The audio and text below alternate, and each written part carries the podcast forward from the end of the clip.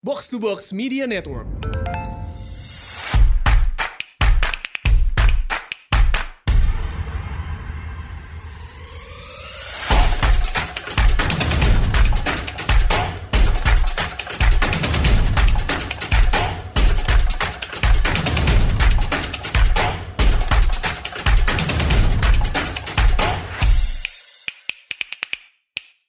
Selamat datang di Asumsi Bersuara. Kali ini kita kedatangan lagi uh, tokoh yang amat gue idolai banget dari zaman kuliah dulu juga, uh, Bang Faisal Basri. Welcome back to the podcast, Bang Faisal. Salam jumpa lagi. Iya, uh, Bang Faisal ini tentu nggak butuh diintroduce lagi sebenarnya, tapi mungkin uh, saya sampaikan aja lah ya, Bang Faisal ini ekonom senior uh, Indonesia, salah satu pendiri dari Indef juga uh, Bang Faisal ini udah dua, dua kali sebenarnya pernah hadir di Asumsi Bersuara. Jadi uh, dua tahun lalu kita bahas mafia migas, yaitu salah satu episode yang paling mengerikan sebenarnya. Mungkin kalau mau ditonton lagi atau didengar lagi silahkan. Dan kemudian tahun lalu juga kita uh, bahas tentang UU Minerba waktu itu sama Bang Faisal. Nah kali ini kita akan uh, ngobrol lagi sama Bang Faisal kali ini tentang uh, ibu kota baru nih. Jadi minggu lalu kalau nggak salah baru resmi punya payung hukumnya. Jadi ada UU ibu kota negara, UU IKN. Nah ini Bang Faisal banyak uh, banyak uh, bicara lah ya di, di media gitu tentang uh, concern-concernnya lah terhadap uh, ibu kota negara yang baru ini gitu. Um, jadi mungkin kita bisa bahas lebih dalam nih Bang tentang um, concern-concernnya Bang Faisal gitu ya tentang uh, ibu kota baru karena Bang Faisal ini termasuk salah satu tokoh yang paling tajam nih mengkritik uh, ibu kota uh, baru ini proyek ini gitu. Mungkin pertama-tama uh, Bang Faisal mau mau coba luruskan dulu gitu. Kan uh, sebenarnya ibu kota baru ini bukan ide baru ya. Ini udah dari zaman Belanda pun ada uh, ide ini gitu. Zaman Orde Lama, Orde Baru hingga sekarang tuh ada ada terus nih ide-ide ini. Gitu. Mungkin mau tanya dulu Bang Faisal ini uh, lebih concern terhadap pemindahan ibu kota secara umum gitu. Um, nggak setuju untuk kita uh, pindah atau secara spesifik yang kita mau lakukan sekarang gitu. Yang kita mau lakukan sekarang kan um, memindahkan ke Kalimantan gitu ya ke Penajam Pasar Utara direncanakan sekarang baru aja dapat landasan hukumnya. Um, Bang Faisal melihat banyak masalah di sini gitu. Lebih ke secara umum kayaknya nggak perlu dulu kita pindah ibu kota atau secara khusus nih secara khusus uh, rencana yang uh, sedang ada sekarang ini? Ya saya sudah lama sebetulnya menulis tentang ibu kota baru ini ya di hmm. blog saya faisalbasti.com. Uh, di situ kelihatan posisi saya uh, bahwa uh, pemindahan ibu kota itu sah-sah saja hmm. uh, hal yang dinamis begitu ya uh, terjadi di Republik Indonesia ini di kota-kota yang ada. Kedua, uh, zaman Belanda memang uh, Batavia ini didesain sebagai kota dagang hmm. ya, uh, oleh VOC.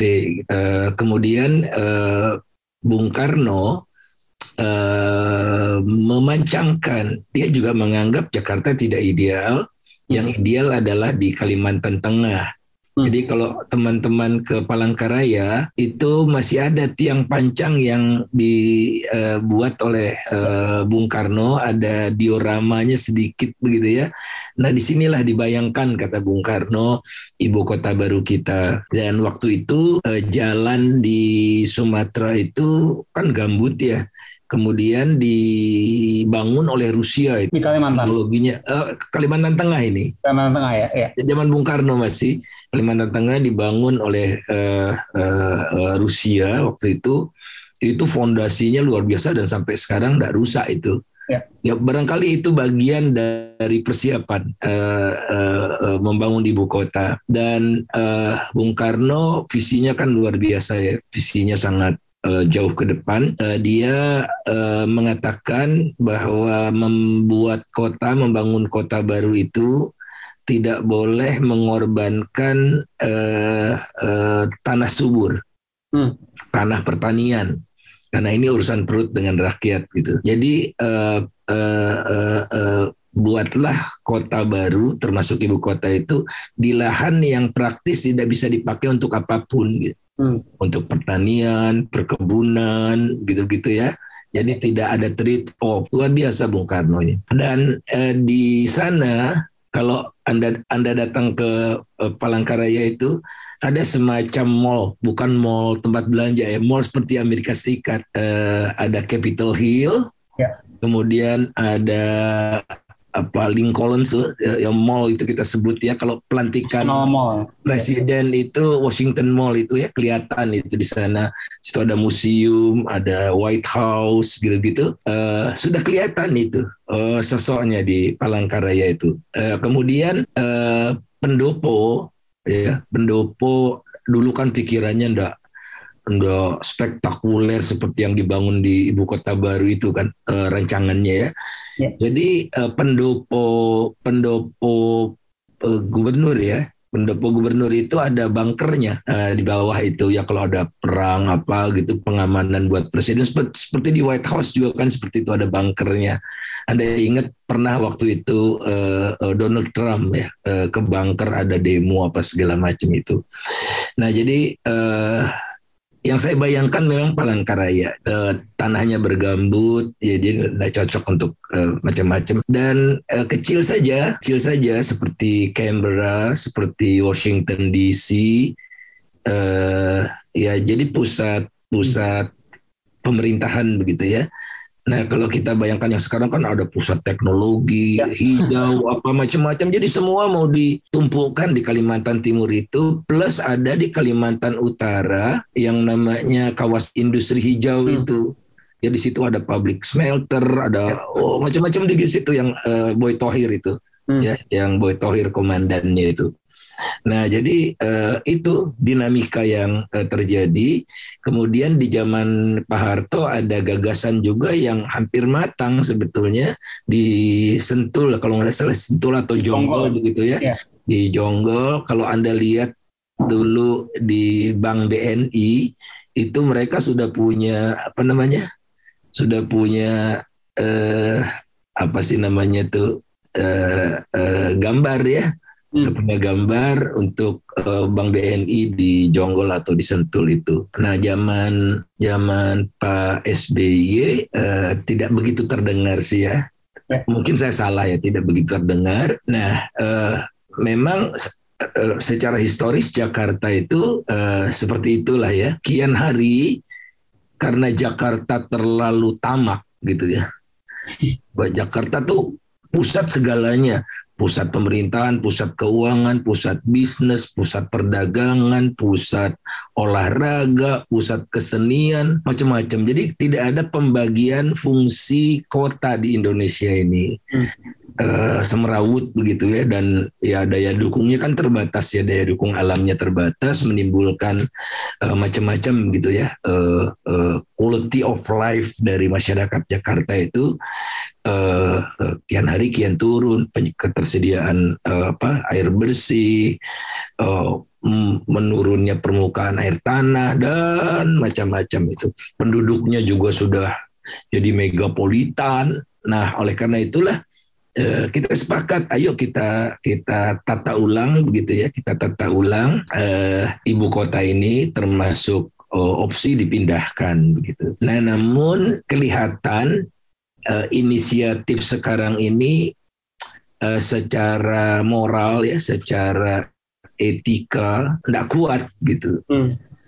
Nah, saya ingin melihat dari perspektif ekonomi dulu. Uh, coba Anda bayangkan kalau kita lihat ekonomi sekarang itu uh, beberapa tahun terakhir ya, pertumbuhan ekonomi itu terus menunjukkan kecenderungan melambat. Jadi melambat terus ya pada tahun 70-an kita bisa tumbuh 8 persen, 80-an sampai krisis itu 7 persen, pasca krisis 6 di era Jokowi 5 era Jokowi pertama ya era Jokowi kedua ini saya perkirakan hanya tiga setengah sampai empat persen jadi hmm. kita ini melambat terus geraknya larinya melambat ekonomi ini kemudian kita baru saja turun kelas ya tahun 2019 kita naik kelas jadi negara berpendapatan menengah atas namun 2020 kita turun jadi menengah bawah.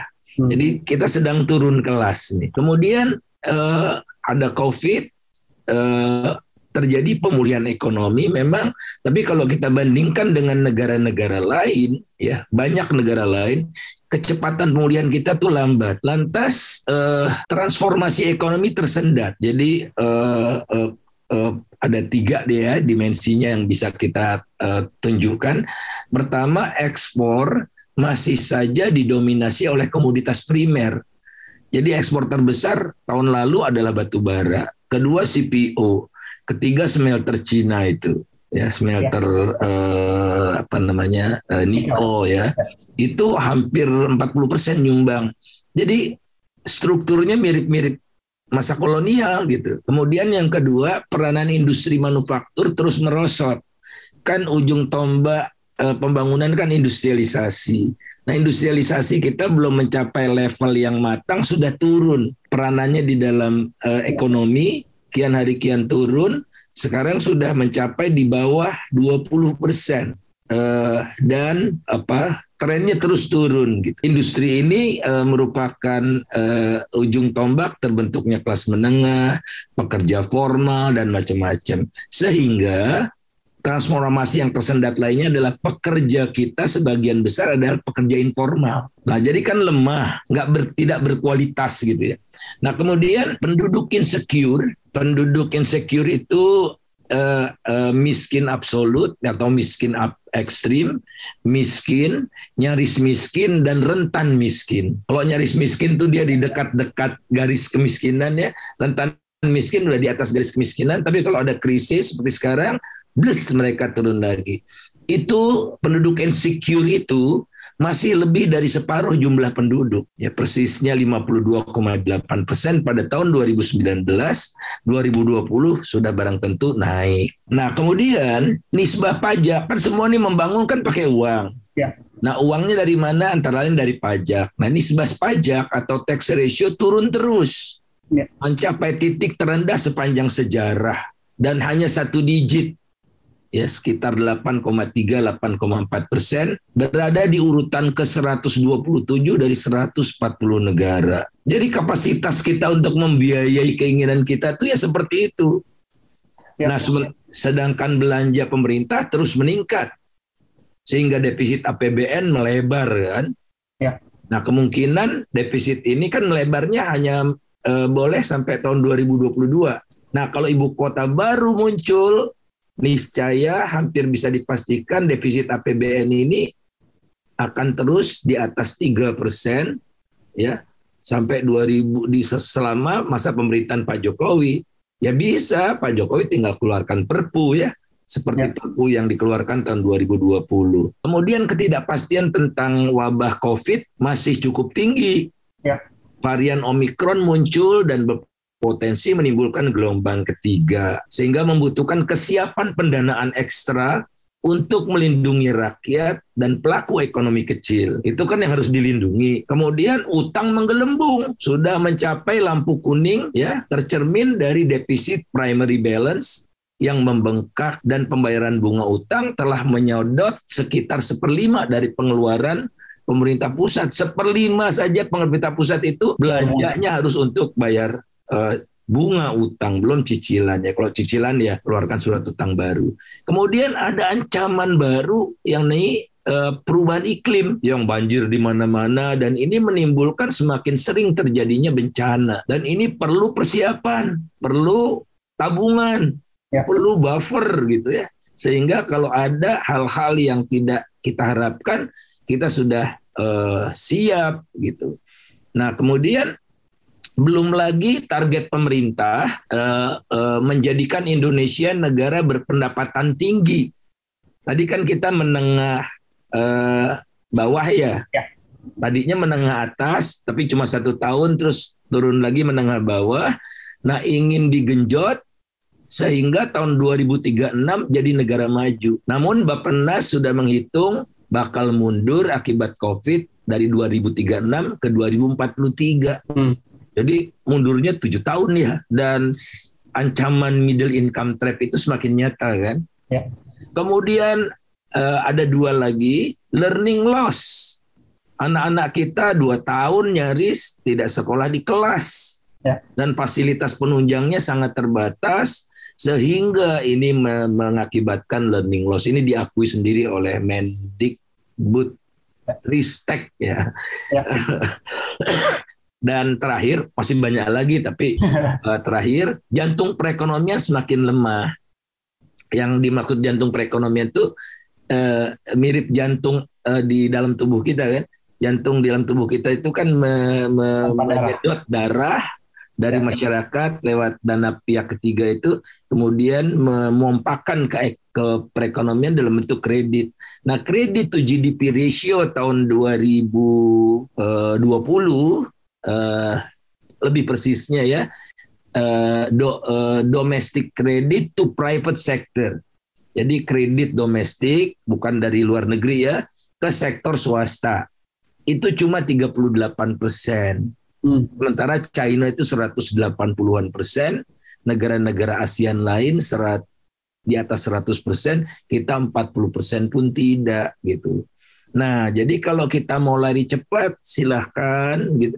Namun sadarilah jantung kita ya seperti itu. Kalau kita memaksakan diri lari cepat, bisa semaput di tengah jalan baru 500 meter saja kita sudah ngos-ngosan seperti saya coba-coba ikut maraton begitu ya di Makmaki Lombok baru 15 500 meter saya udah seperti apa ya nggak bisa napas gitu bersama Pak Bupati juga sama.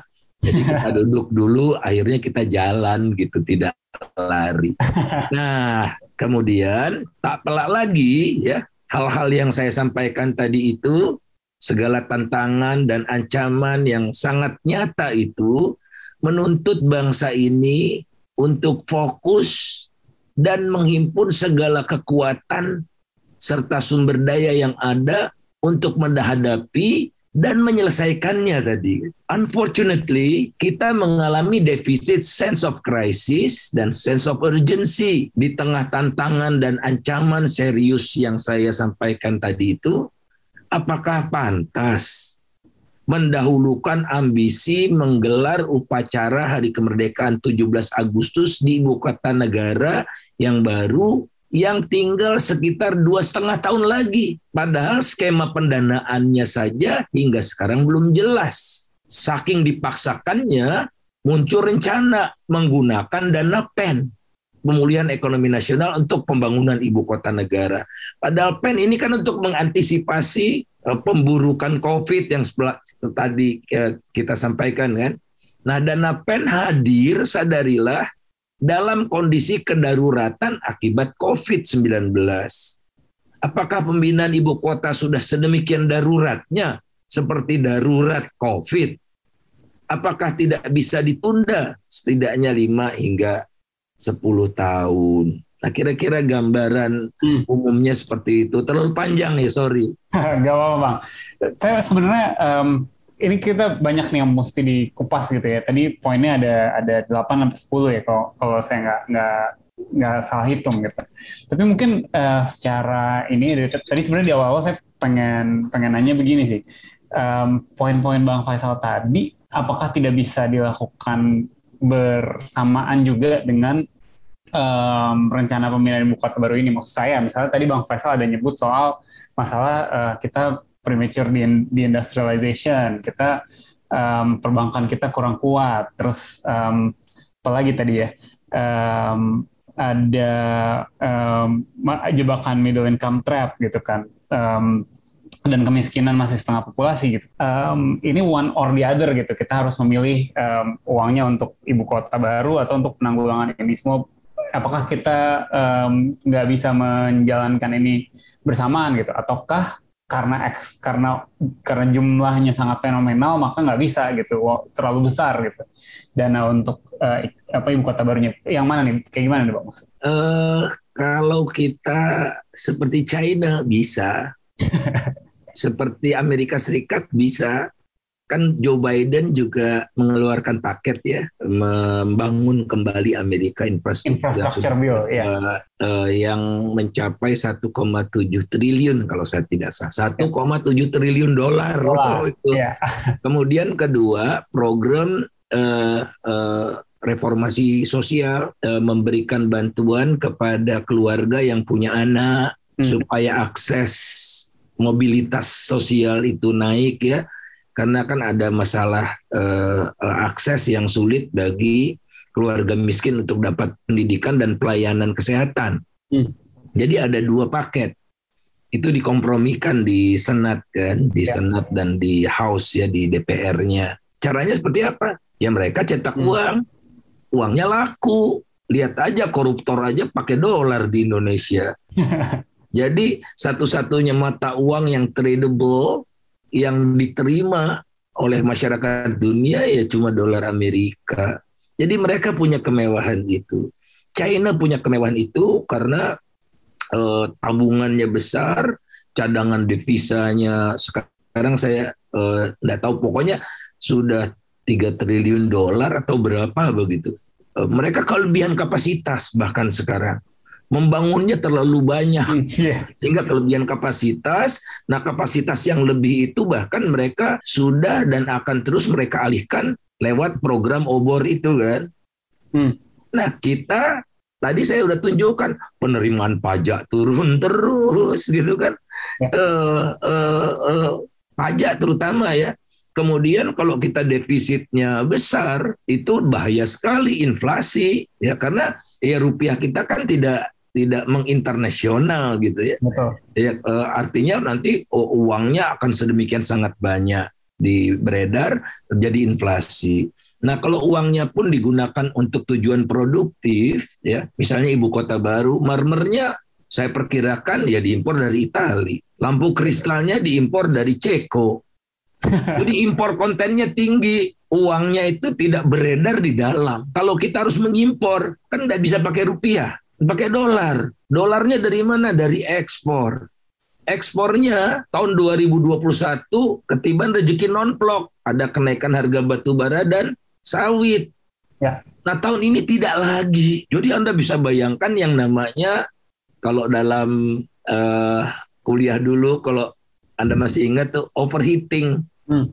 Cepat kepanasan. Itulah Indonesia karena struktur ekonominya masih lemah gitu. Hmm. Jadi oleh karena itulah selalu ada pilihan-pilihannya terbatas sehingga memunculkan apa yang kita sebut sebagai trade off. Contohnya nyata-nyata ditunjukkan oleh Ibu Sri Mulyani karena dipaksakan dua setengah tahun harus upacara, maka dari mana uangnya kan tidak ada. Maka realokasi dari dana pen. Hmm. That's rakyat dikorbankan. ya.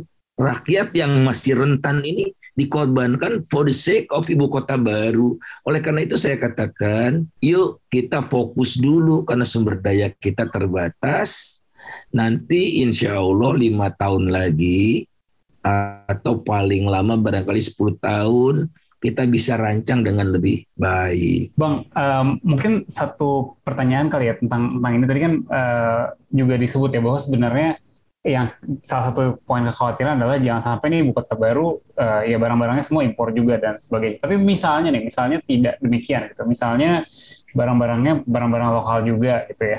Terus eh, uangnya nih misalnya ratusan, kalau nggak salah saya nggak salah baca, kalau saya nggak salah baca sekit eh, simpang siur antara 350 sampai 500 triliun ya biayanya katanya si ibu kota baru ini Em, misalnya benar-benar dipakai gitu untuk ya eh, membangun infras- membangun infrastruktur segala macam itu kan harusnya nih ya membawa eh, multiplier juga ya bang. Kalau saya eh, kalau kita baca-baca dulu apa kalau kita belajar dulu kan em, eh, government expenditure dia bangun jalan dia bangun infrastruktur itu kan eh, ada lapangan kerja yang di eh, apa yang akan terlibat di sana. Dia beli em, semen misalnya ada pabrik semen yang akan bangun juga. Maksudnya itu kan ada juga nih ya em, apa eh, perputaran yang terjadi juga gitu. Tapi jadi mungkin mungkin gitu kali logikanya bahwa ini kan pemulihan ekonomi juga nih. Kalau misalnya kita bisa menstimulat ekonomi dengan em, satu upaya pemerintah besar-besaran membangun ibu kota baru. Sama aja kayak kalau zaman perang dunia dulu ya semua dialokasikan untuk perang ya ekonomi jadi muter lagi juga gitu sejak eh, setelah depresi gitu kan mungkin mikirnya gitu mungkin? Eh, kelihatannya sih enggak ya. Mikirnya ada seperti itu. Jadi contohnya apa? Eh, apa namanya tuh eh, tulang-tulang bajanya untuk menyandang itu diimpor dari China. oh itu udah udah udah ada ini ya udah benar begitu ya maksudnya Ya kualifikasi baja kita kurang bagus kan. Gitu. Jadi kalau untuk bangun jalan eh, tol saja pakai konstruksi semen ya bisa lah gitu ya. Eh, kemudian kan nanti kontraktornya dari China sebagian. Hmm. Ya, China mensyaratkan kan tadi saya katakan China itu mengekspor kelebihan kapasitasnya. Hmm. Jadi niscaya akan dia kaitkan rel kereta cepat itu ya dari China bukan dari Krakatau Steel. Orangnya juga dari China gitu Ya. kan. Seperti smelter smelter eh, nikel itu marmernya gengsi pakai marmer Tulungagung. gengsi lah orang udah megah seperti itu kan. Nah, jadi sangat disayangkan tidak akan terjadi seperti itu. Eh, kemudian kembali, oke betul akan menciptakan menciptakan multiplier effect tidak diragukan lagi.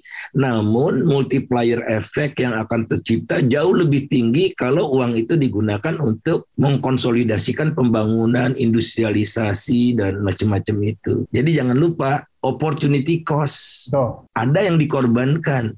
Nah, berapa nilai yang dikorbankan itulah nilai ibu kota itu. Dan yang dikorbankan adalah manusianya yang rentan itu, yang lebih dari separuh insecure, yang semakin eh, nestapa hidupnya gara-gara COVID. Kelas menengah ke bawah. Kalau kelas menengah atas mah eh, senyum-senyum aja di tengah COVID. Lihat aja tabungannya di bank naik terus. Terakhir naik bulan Desember kemarin 12,5 persen. Hmm. Peningkatan dana pihak ketiga itu naik dua 12,5 persen. Eh, secara moral dan secara eh, apa namanya eh, kasat mata kita kita lihat sebetulnya kepentingan siapa nih? hmm.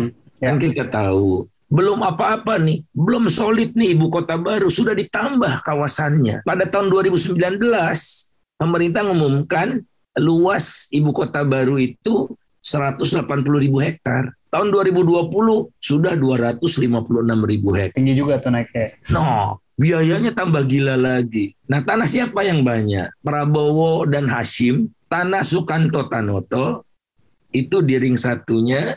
Nah, gara-gara ditambah ada tanah Luhut Panjaitan juga. Nah, kemudian nanti seperti Anda sampaikan tadi itu, kan ada kegiatan segala macam. Yes, ada. Karena di sana sulit air, ya. Karena bebatuan kan batu bara kan sulit air. Nah, nanti yang akan melakukan pengadaan air bersih itu perusahaannya Hasim Jayadi Kusumo. Hmm. Multiplier efeknya mentok ke dia. Nah, Anda bayangkan tuh. Kemudian perlu pelabuhan kan? Kan nggak Hmm. bisa jalan darat tuh di, di, di, di- dipakai untuk eh, logistik pembangunan yang dahsyat itu. Maka dipakailah dua pelabuhan. Pelabuhan milik Hashim dan milik Sukanto Tanoto juga. Hmm. Nah, itu dia. Jadi eh, itulah listriknya. Oh, tadi semen. Hmm. Semennya akan dibangun pabrik semen baru, bukan bukan mengambil semen dari yang sudah ada. Semen yang sudah ada, pabrik semen yang sudah ada ini kapasitas yang terpakai baru 60%. Tapi ada yang melihat kesempatan baru ibu kota. Butuh semen pasti, maka dibangunlah pabrik semen Hongxi Holding dimiliki oleh Hongxi Holding dari China. Tuh, bukan semen Indonesia yang dapat, bukan semen Batu Raja yang dapat, bukan semen Tonasa, bukan semen apa eh, eh, lain-lain ya. Enggak. Hongxi Holding yang akan membangun pabrik semen. Hmm. Nah nanti tentu saja deal kan, tentu saja deal karena ada kongsinya dengan jenderal nih. Dan nggak usah sebut nama, ada kongsinya dengan mantan jenderal. Nanti bilang deh ke pemerintah, pemerintah jangan beli semen dari luar Kaltim, lebih mahal ongkos angkutnya. Nih kita dekat nih ada beli dari kami kan gitu nanti kira-kira.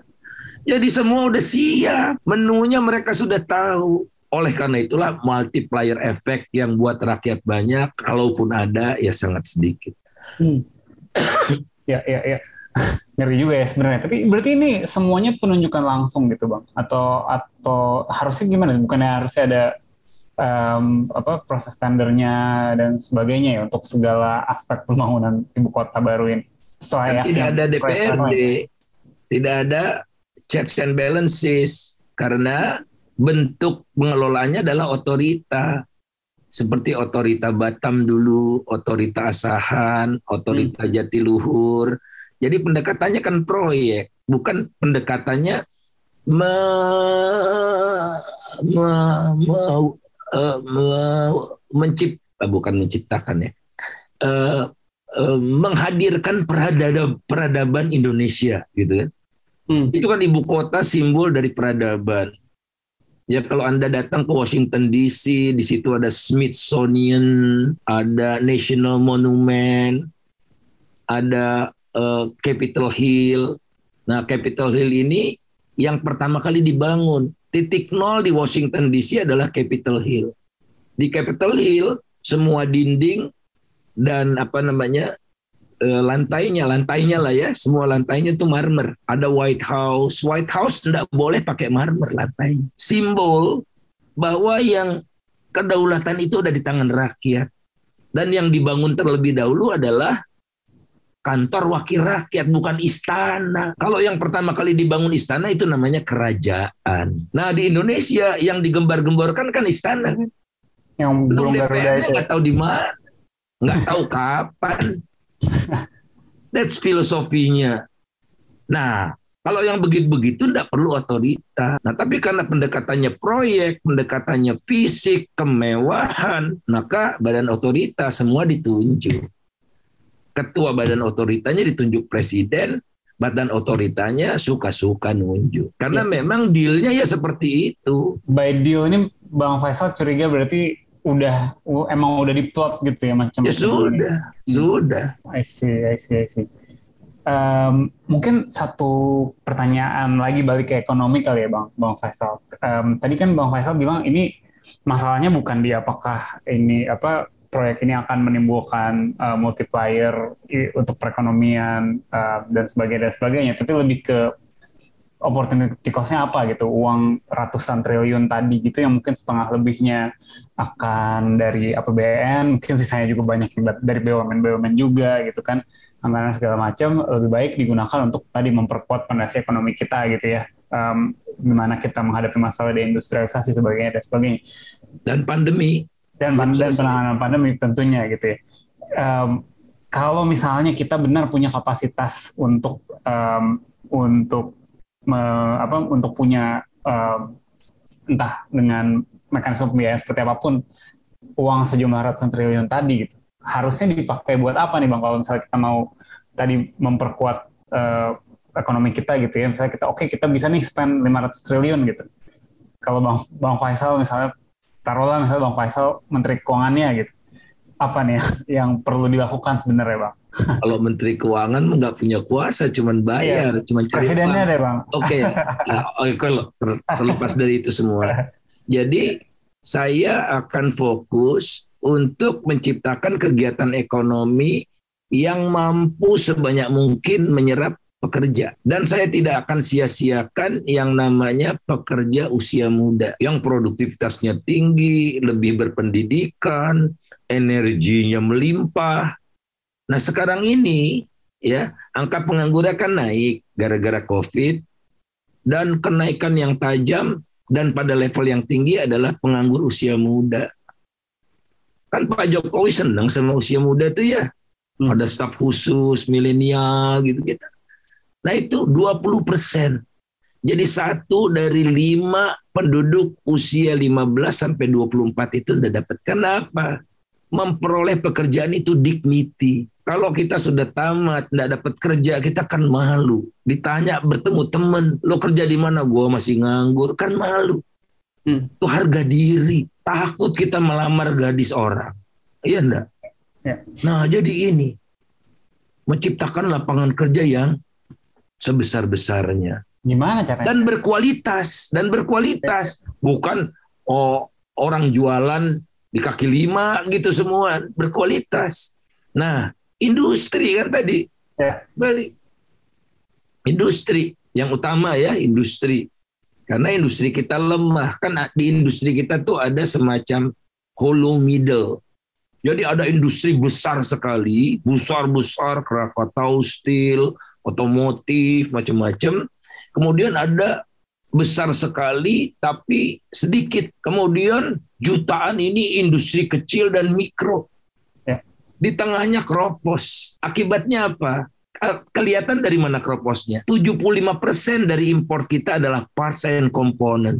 15% eh, barang modal, 10% barang konsumsi. Jadi bayangkan 3 per 4 dari impor kita adalah bahan baku penolong. Parts and components-nya lemah. Nah di dunia ini kita bicarakan global supply chains. Kita bukan bagian dari global supply chains. Karena kita ekspor karet, ya selesai udah. Mata-ratanya hmm. selesai kita ekspor sawit, ekspor batu bara selesai. Nah, sehingga kita gagal untuk menikmati apa yang disebut saya menghindar tapi tidak apa-apa ya eh, menggunakan istilah yang kita sebut intra industry trade. Jadi intra industry trade di Indonesia itu lemah sekali. Padahal intra industry trade itulah yang menambah kemakmuran satu negara. Sorry, intra industry trade ini boleh dijelaskan sedikit nggak, Bang? Nah, intra industry trade ini misalnya ini uh, ini apa namanya nih uh, dis ini ya merek mereknya nggak usah saya sebut ini bisa menyimpan satu tera hard disk ya hard disk hard disk ya, external ya. hard disk ya. ini ringan sekali dan cepat nah kemudian ada ininya ada kabelnya, kabelnya. ada connectingnya ada prosesornya di dalam, ada casingnya, ratusan komponen yang ada di sini. Tidak satu pun dari Indonesia. Itu dia. Hmm. Hmm. Nah, kalau kita dapat aja kabelnya, kita dapat 5% dari nilai ini. Nah, kita merupakan bagian dari global supply chain. Jadi, kita mengimpor sambungan ini, connecting, kita mengekspor kabel serupa mirip kita perdagangkan barang-barang yang serupa yang menghasilkan totalitas dari external hard disk ini. Atau bagusnya lagi kita nyumbang prosesornya. Kemudian kalau handphone, mana handphone saya tidak kelihatan. Oke, okay, tidak kelihatan handphone saya. Handphone, kalau kita bisa memasok layarnya, wah keren sekali. Layarnya sendiri itu 30% dari nilai handphone itu plus ya. chipsnya ya plus chipsnya. Kita nggak usah gitulah, kita mulai dari casingnya aja dulu. Coba kalau Anda beli casing di ambasador itu kan banyak casing itu.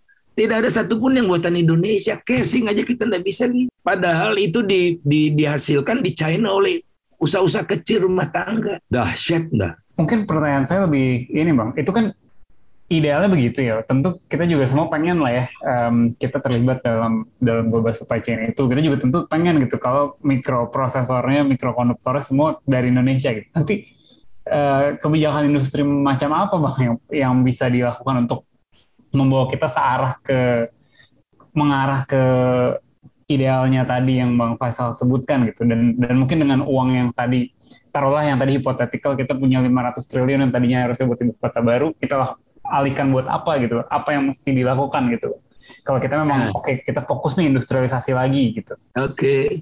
jadi kan kita katakanlah dari nol itu kita punya tidak punya apa-apa ya hmm. punya apa-apa perusahaan-perusahaan yang menghasilkan ini UKM di Jepang dan di Taiwan sudah kesulitan cari pekerja sudah kesulitan mereka mengalami aging ya. penduduknya menua, upah buruh mahal sekali. Maka saya akan undang UKM-UKM dari Jepang, Taiwan, dan Korea untuk memindahkan pabriknya ke Indonesia. Memindahkan.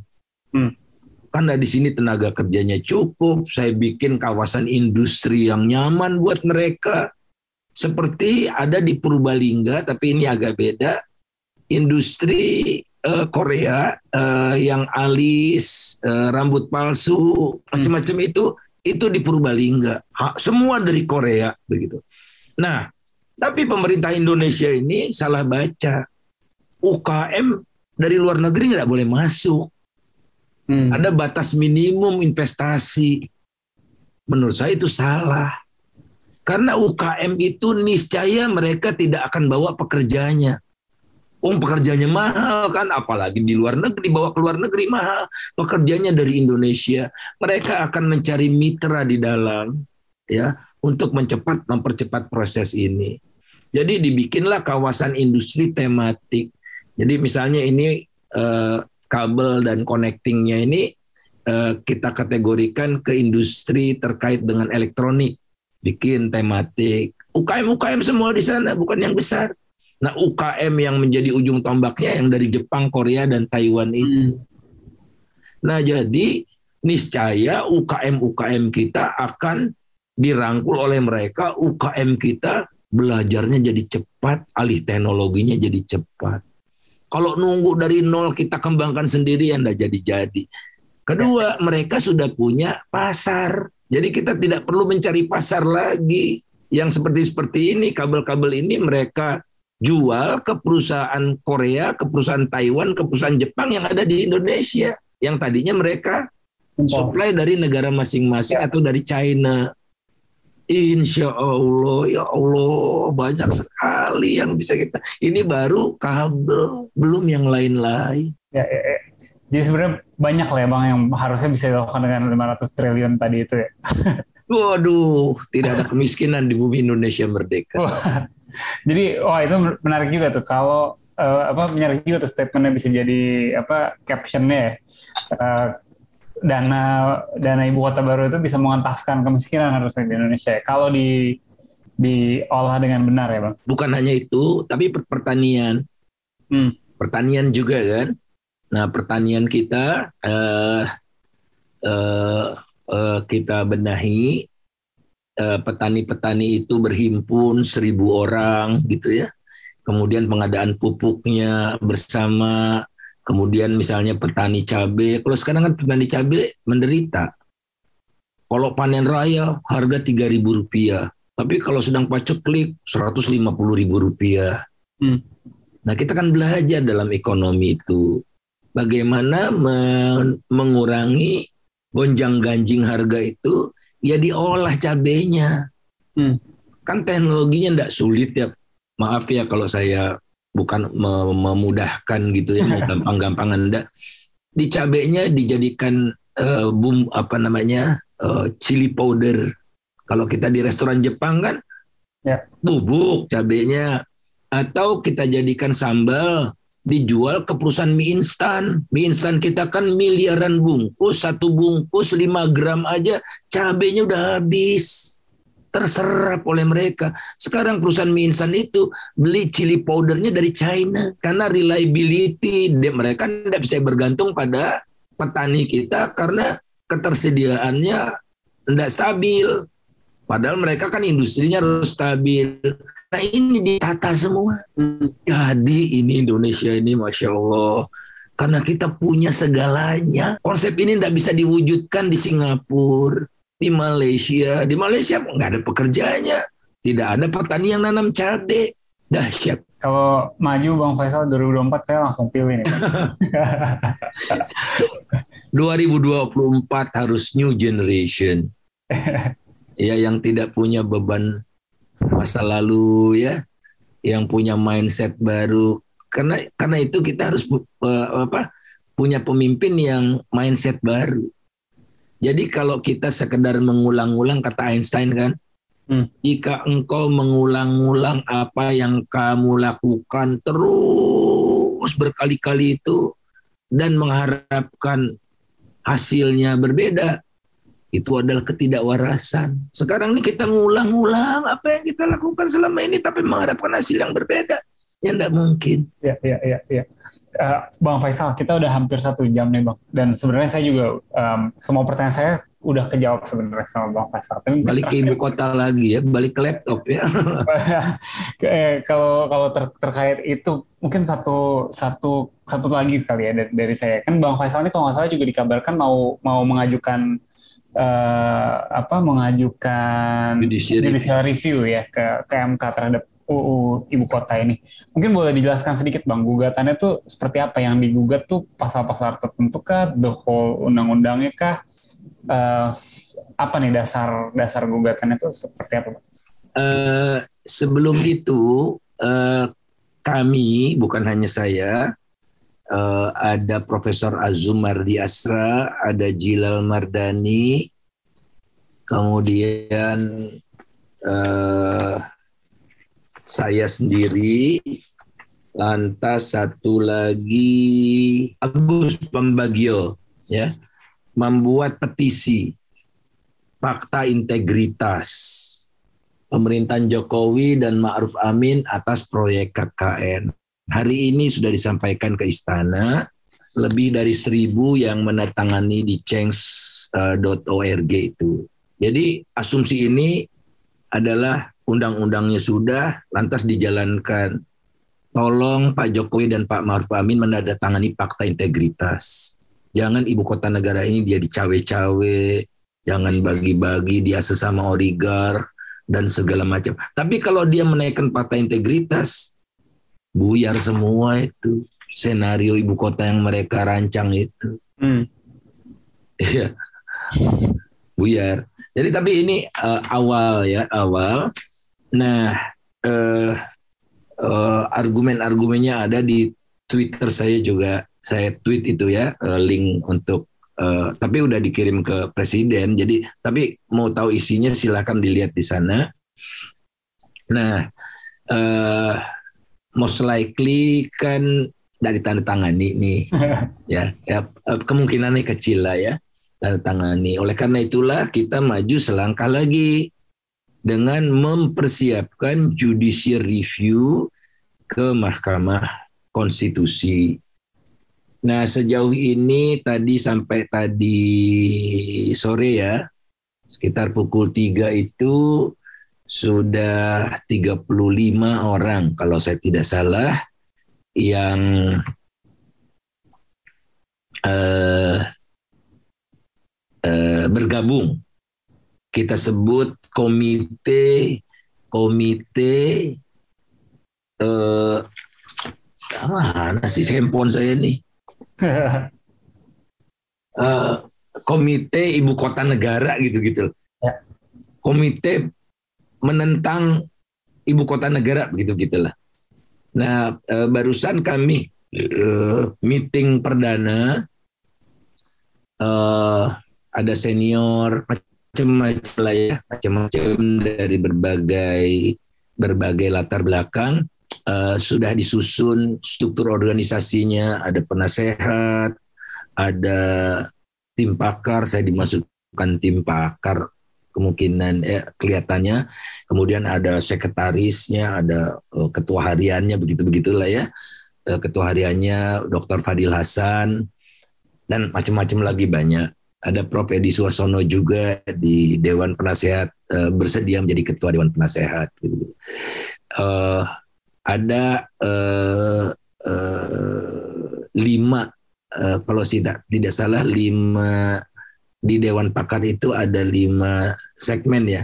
Ekonomi tata negara tata negara sosiologi macam-macam seperti itu.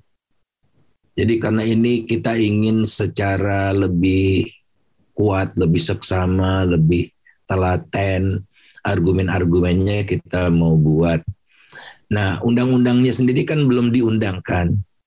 Oh, oh ya. Uh, belum ditandatangani oleh presiden. Kalau presiden tidak tanda tangan kan uh, otomatis jadi undang-undang setelah 30 hari. ya kan? Tapi kemungkinan kan Pak Presiden akan tanda tangan. Sehingga pas waktu Pak Presiden tanda tangan, kita udah siap. Besoknya kita ke Mahkamah Konstitusi. Dan kita uh, terbuka ini bukan organisasi apa terbuka teman eh, uh, teman-teman yang mau join juga uh, silahkan. Nah tapi saya kan tidak bisa uh, apa tidak memahami aspek legal. Katanya harus ada legal standing. Jadi yang menjudicial review, menjudicial review ada legal standing. Dan uh, semua pembayar pajak punya legal standing katanya gitu. Tapi saya nggak nggak tidak terlalu paham lah hal-hal seperti ini. Kita serahkan ke ahlinya.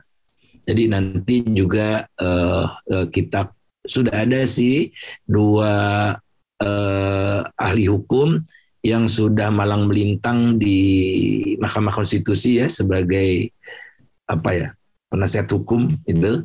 Uh, tapi uh, kita perkirakan akan banyak sekali uh, uh, ahli hukum kita yang ingin join untuk memperkuat tim kita ini.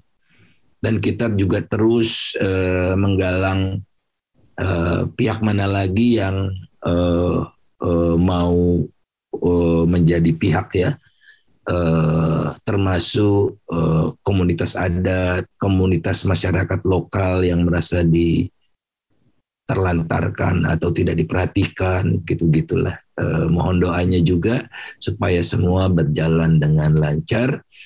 Oh uh, oh mungkin nanti kita minta juga Mbak Bivitri Susanti uh, ya banyak lagi lah yang teman-teman uh, secara informal udah ngobrol-ngobrol Ya, ya, ya. Itu um, nanti kita berarti tunggu ininya ya, bang. Berarti ketika um, di, udah diundangkan, berarti beri sehari setelahnya ya mau langsung diajukan. Saya juga bakal pengen baca tuh nanti ap, ap, apa nih sebenarnya gitu yang uh, kalau judicial review itu kan berarti dia bertentangan dengan undang-undang dasar gitu kan. Undang -undang iya, terutama pasal 18 nah, ya. Hmm.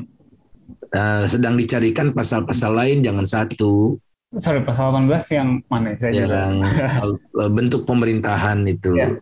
mm-hmm. otorita kan tidak eksplisit ya saya juga tidak mau berkomentar tapi ya. tidak eksplisit nggak ada tidak ada DPRD ya. dan seperti itu ini jadi salah satu kemudian juga kan ada jurisprudensi tentang partisipasi masyarakat itu ya, hmm. ya. Uh, yang uh, menurut eh, Mahkamah Konstitusi bukan sekedar partisipasi masyarakat, tapi partisipasi masyarakat yang meaningful. Ya. Nah, jadi kalau partisipasi masyarakat oke okay, digelar dengar pendapat atau diskusi di USU, Unhas dan uh, Universitas Mula Warman, waktunya dua jam, tiap orang ngomong lima menit, yaitu ketagasegesaan kan. Ya, ya. Dan salah satu tim kami, Fadil Hasan, Dr. Fadil Hasan ini juga diundang oleh uh, eh, DPR untuk memberikan masukan. Oh, dibatasi sekali ini. Oh, maaf, oh, waktunya terbatas. Jadi kita tidak bisa. Nah, itu tidak meaningful dan itu sudah menjadi salah satu catatan Mahkamah Konstitusi untuk membatalkan Undang-Undang Cipta Kerja walaupun pembatalannya bersyarat. Tapi ya poinnya adalah sudah dibatalkan tapi diberikan kesempatan pemerintah untuk mengubahnya, ya. memperbaikinya. Tapi ya, ya. Oh, poinnya kan dibatalkan dulu. Ya, ya. Bang Faisal, dari saya udah nggak ada pertanyaan lagi nih Bang. Kita udah mau satu jam nih. Uh, mungkin terakhir dari Bang Faisal nih, ada nggak hal lain yang mungkin kita belum sempat sentuh nih dari tadi tentang uh, pemindahan ibu kota baru ini, tentang opportunity-opportunity cost-nya, tentang hal lain apa pun yang menurut Bang Faisal kayaknya pendengar asumsi bersuara penting nih untuk ketahui gitu. Ya, yang uh, kita dambakan itu ya merepresentasikan uh, peradaban Indonesia, ibu kota itu hmm. tidak sekedar sosok mati, rohnya yang penting. Kemudian jangan terlalu banyak simbolistik yang apa ya Misalnya gini, oh kita green economy, tapi greennya cuma di sana di Indonesia sendiri ngebabat hutan terus begitu loh. Hmm. Ya, jadi itu simbol bahwa segala kebijakan yang akan ditempuh pemerintah adalah for the sake of humankind. Ya, uh, green, kemudian governance-nya bagus, tidak ada korupsi, tercermin ini dari proses pembentukan ibu kota ini. Karena sekali lagi dia cerminan dari peradaban kita. Jadi bukan hanya sosok fisiknya. Apalah apalah artinya kemegahan kalau perilaku birokrasinya jelek. Apalah artinya perkantoran yang mewah eh, yang tempat bekerjanya presiden dan eh, menteri-menteri serta DPR kalau rapat di hotel-hotel juga gitu. Hmm. Iya kan? Apa-apa di hotel, apa-apa di hotel. Nah begitu. Jadi ayo dong. Sudah mahal-mahal kita biayai. Jadi ini ada semacam ini ya, semacam hijrah nih ya, seperti eh, Nabi Muhammad hijrah dari Mekah ke Madinah. Ini hijrah dari Jakarta ke mana pun ya, ke mana pun. Karena belum tentu kan penajam ya, belum tentu nih. Hmm ya karena dua setengah tahun kan belum pasti eh, belum pasti jadi nih kan. Uangnya saja belum jelas. Nah ini barangkali yang menjadi argumen supaya proyek ini tidak mangkrak karena boleh jadi presiden yang baru di 2024 ini tidak setuju akan membatalkan maka ada opsi perpanjangan masa jabatan presiden. Nah, nah ini jangan jadi jadikan alasan. Ya. Jadi uh, ada doa ya Ya Tuhan, masukkanlah aku dengan cara yang benar dan keluarkan pula aku dengan cara yang benar. Nah, jadi segala sesuatunya harus benar nih masuknya supaya nanti mulus gitu ya. Bukan oh ini skandal baru terus wah macam-macam gitu. Nah, kita tidak ingin. Jadi ini ayo kita hijrah yuk. Demokrasi yang substansial, bukan sekedar formal. Kita mengabdi kepada kepentingan rakyat yang utama ya. Green itu bukan hanya di ibu kota sementara hutan-hutan lain dibabat nah yang inilah yang kita harapkan itu. Baru bermakna kita pindah ibu kota. Iya Bang Faisal seperti biasa seru banget nih ngobrol sama Bang Faisal hari ini thank you banget Bang Faisal udah mau hadir ya di Asumsi Besar. Kayak dapat banyak banget. Mudah-mudahan pendengar kita juga uh, dapat banyak banget hari ini lah. Ya. Um, lah ya. Terima kasih sekali lagi Bang Faisal. Mudah-mudahan yang terbaik buat negeri ini. Amin, amin. Untuk pendengar Asumsi Bersuara, seperti biasa, jangan lupa follow Asumsiko, follow Box to Box ID, follow at Faisal Basri ya di Twitter ya Bang. Follow at Faisal Basri juga. Sampai jumpa lagi hari Selasa berikutnya. Ciao.